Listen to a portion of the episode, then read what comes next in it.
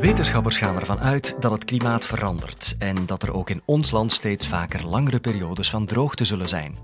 Maar wat ze nog niet weten is welke planten en dieren dit nieuwe klimaat zullen overleven. Nathalie Beenaerts is milieubiologe aan de Universiteit van Hasselt en onderzoekt het. Staan er binnenkort palmbomen op de purperen hei? Dit is de Universiteit van Vlaanderen.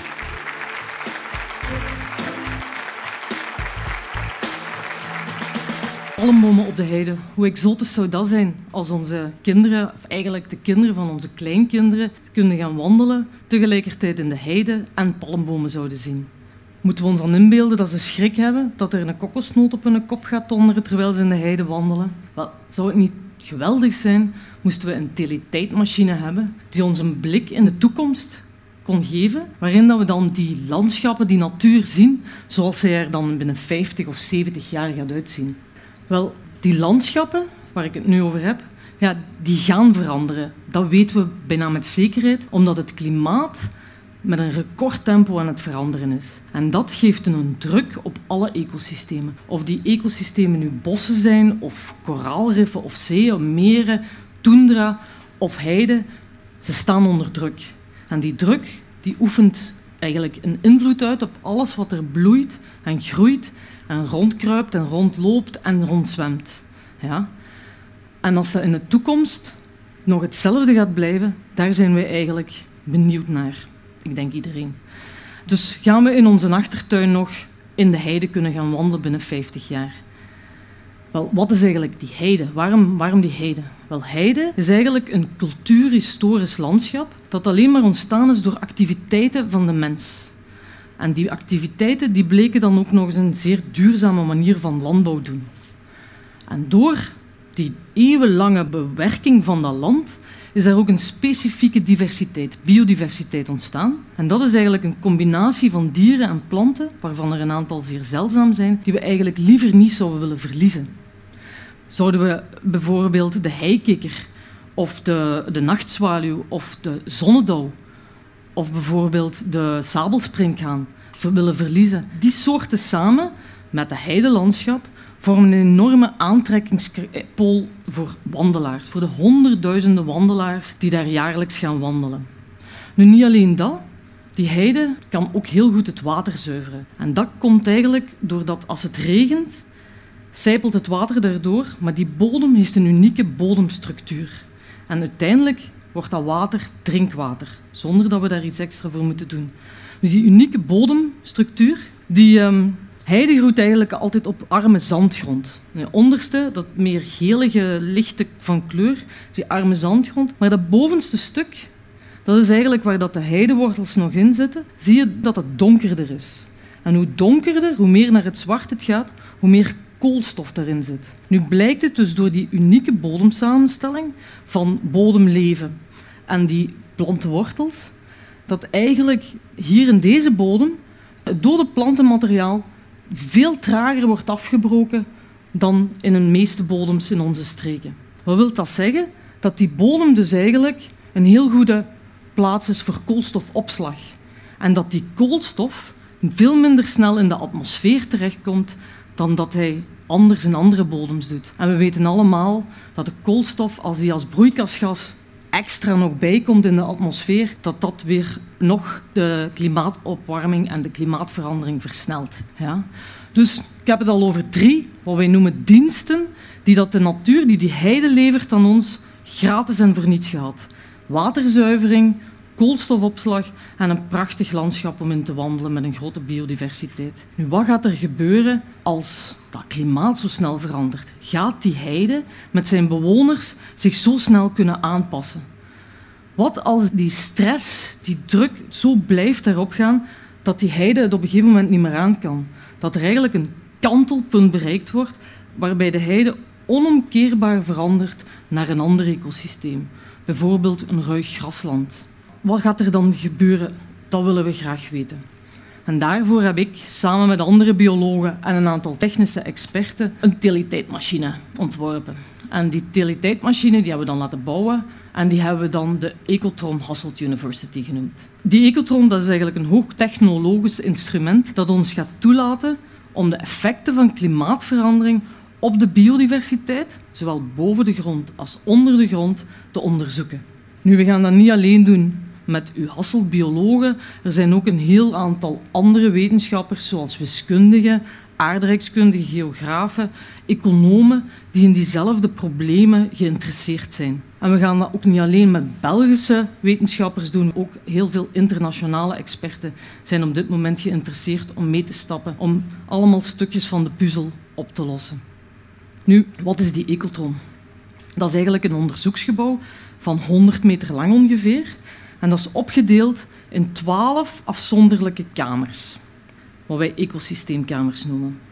En die kamers die zijn eigenlijk, als ik dat even kan gebruiken als voorbeeld, die kamers zijn eigenlijk allemaal volledig afgesloten van de buitenwereld. Nu, dit is natuurlijk niet echt de realiteit, want hier kan geen wind in, geen regen en zo verder. Dus wat, wat kunnen wij wel? In elk van die twaalf kamers kunnen wij met weersvariabelen spelen. Wij kunnen bijvoorbeeld met de windsnelheid spelen, we kunnen met de regen spelen en we kunnen met de temperatuur spelen. Niet alleen dat, we kunnen ook met de luchtsamenstelling spelen. We kunnen bijvoorbeeld CO2, koolstofdioxide, toevoegen ofwel zelfs koolstofdioxide uit de lucht halen. En dat maakt het nu dat wij eigenlijk in die ecotron het klimaat kunnen nabootsen, omdat we dat allemaal kunnen. Nu, we hebben onze infrastructuur, we hebben er nog niks in staan, of alleszins, ik heb er nog niet over verteld. Nu, hoe hebben we dat gedaan? We zijn naar de Hoge Kempen toegegaan en we hebben daar twaalf keren een heel grote intacte blok van heide uitgestoken. We hebben dat heel voorzichtig gedaan. Die blokken zijn 2 meter diameter, anderhalve meter hoog. We hebben die eigenlijk zo voorzichtig mogelijk uitgestoken, zodat we de bodembewoners en de bodemstructuur zo weinig mogelijk verstoord hebben. Je kunt het vergelijken als je thuis een appel hebt en je hebt zo'n appelboor en dan probeert je het klokkenhuis eruit te halen zonder dat het een stukjes breekt, maar echt een E-stuk eruit te halen. Dat is niet zo gemakkelijk. Hè? Dus toen dat we die hebben uitgestoken, hebben we die overgebracht naar de ecotron. En nu hebben we dus die blokken. Nu, die zitten niet in een gewone plantenpot. Dit is eigenlijk zo'n miniatuurke. Dat zijn eigenlijk lysimeters. Dat is een stalen constructie, waarin dat we dan ook in de bodem en op de zijkant een verticaal profiel hebben met, en in dit geval is het maar vier, maar wij hebben op vijf verschillende dieptes hebben we daar ook meet- en regelapparatuur in zitten, zodat we ook daar weer de temperatuur en de vochtigheid kunnen regelen. En samen met die, die lysimeter en die kamers allemaal hebben we eigenlijk een infrastructuur gezet die we nergens anders nog niet op de wereld gaan vinden voorlopig. Dus ik heb juist gezegd, we gaan spelen met verschillende weersvariabelen. Nu, we gaan niet natuurlijk gewoon spelen daarmee. We gaan niet gewoon een stormje in de ene nabootsen en, en wat regen in de andere. Nee, we gaan bepaalde klimaatscenario's die topklimatologen hebben voorspeld voor deze streken proberen na te bootsen in die ecotron. Wat gaan we eigenlijk doen? We gaan van kamer 1 naar kamer 12 het weer alsmaar extremer maken. We gaan in het algemeen die periode tussen twee regenbuien gaan we alsmaar langer maken. Dus in kamer 1 is bijvoorbeeld het huidige weer, gelijk het nu is. En in kamer 12 zitten we zo extreem dat er eigenlijk nog nauwelijks regen valt. We gaan dat niet één keer per jaar, we gaan dat eigenlijk een aantal keren en een aantal jaren volhouden. En wat zien we dan waarschijnlijk in die laatste kamer, in kamer 12? Gaat dat heide-ecosysteem waarschijnlijk zeer snel onomkeerbaar verstoord zijn en niet meer herstelbaar zijn en overgaan in een ander landschap, bijvoorbeeld een ruig grasland. Als we dat een aantal jaren volhouden, dan gaan ook waarschijnlijk in die kamers, zeg nu maar iets, 5 en 6, dat heidesysteem zich ook niet meer kunnen herstellen. Al is het daar minder extreem, maar we blijven dat herhalen. En hoe lang kun je ergens op slaan voordat het dan uiteindelijk zegt, ik wil me niet meer herstellen. En dat is eigenlijk wat dat we beogen om in die ecotron te weten te komen. Nu, het zou natuurlijk gemakkelijk zijn, of iets gemakkelijker moet ik zeggen, als we alleen boven de bodem alles zouden bestuderen en monitoren. Maar wat er natuurlijk ook eens zo interessant is, is wat zit er in de bodem. Ja? Als we zouden inzoomen op vooral dat stuk waar de heidewortels ook in zitten, dan zien we eigenlijk een unieke, diverse wereld. Dat is eigenlijk een bodemleven dat daar zit van bewoners zoals groepen van insecten, mijten, um, bacteriën, schimmels, wormen, die allemaal niet daar apart leven, Nee, dat is zo gelijk een maatschappij. Die hebben allemaal hun eigen taken en hun eigen functies. En die functies en taken die zijn nog eens allemaal verweven in elkaar. Echt gelijk een maatschappij, zodat je een complex geheel krijgt. En door de eeuwen heen is dat eigenlijk een evenwichtig systeem dat goed functioneert en dat die diensten ook levert. Maar opnieuw, wat gaat er nu gebeuren als dat klimaat zo snel verandert dat die heide en haar bewoners dat niet meer aan kunnen? Wat gaat er dan gebeuren binnen zoveel jaar of zo snel? Wel, als ik nu bijvoorbeeld een aantal voorbeelden ga geven. Sommige van die bewoners die gaan echt heel gevoelig zijn aan temperatuurstijging van de bodem. Anderen gaan bijvoorbeeld heel gevoelig zijn aan extreme droogte. En die gaan anders beginnen functioneren. Plotseling doen die niet meer die taak die ze altijd deden, maar juist iets anders. Of juist niet meer. Of veel sneller. En wat krijgen we dan?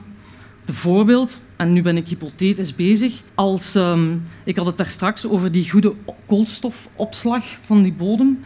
Wel, stel nu dat er plotseling dat dood plantenmateriaal niet meer zo traag wordt afgebroken, maar dat dat veel sneller gaat worden afgebroken. Ja, dan komt die koolstof veel sneller in de atmosfeer terecht.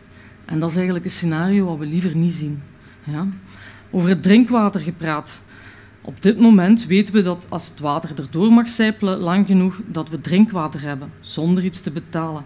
Stel dat dat niet meer zo efficiënt werkt en dat wij als maatschappij, als mensen, moeten extra gaan investeren om van datzelfde regenwater, wat tot nu toe gratis en voor niets drinkwater werd, wat we nu plotseling moeten gaan voorbij betalen. Dat is ook weer een scenario wat we liever niet zien, want dat is kostelijk.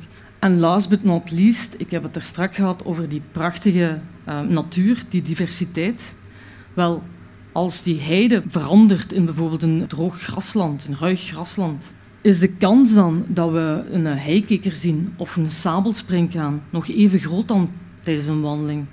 Gaan de mensen nog eigenlijk zo graag gaan wandelen in die ruige graslanden dan op dit moment? Dat is eigenlijk een vraag die we hebben. En we weten het op dit moment nog niet of die diensten volledig die ze ons levert gaan verdwijnen. En we weten ook niet of met die nieuwe natuur die er gaat komen, die nieuwe landschappen, welke diensten dat er dan gaan komen. Kunnen we nog niet zeggen. Maar dat hopen we door ons onderzoek dat we gaan doen in de Ecotron met al die verschillende wetenschappers om daar meer van te weten te komen. Dus ik kan alleen maar zeggen, wordt vervolgd. Vond je het boeiend? Wil je meer Universiteit van Vlaanderen colleges horen? Abonneer je dan op de podcast en elke dinsdag en vrijdag staan er automatisch nieuwe afleveringen op je smartphone, tablet of computer.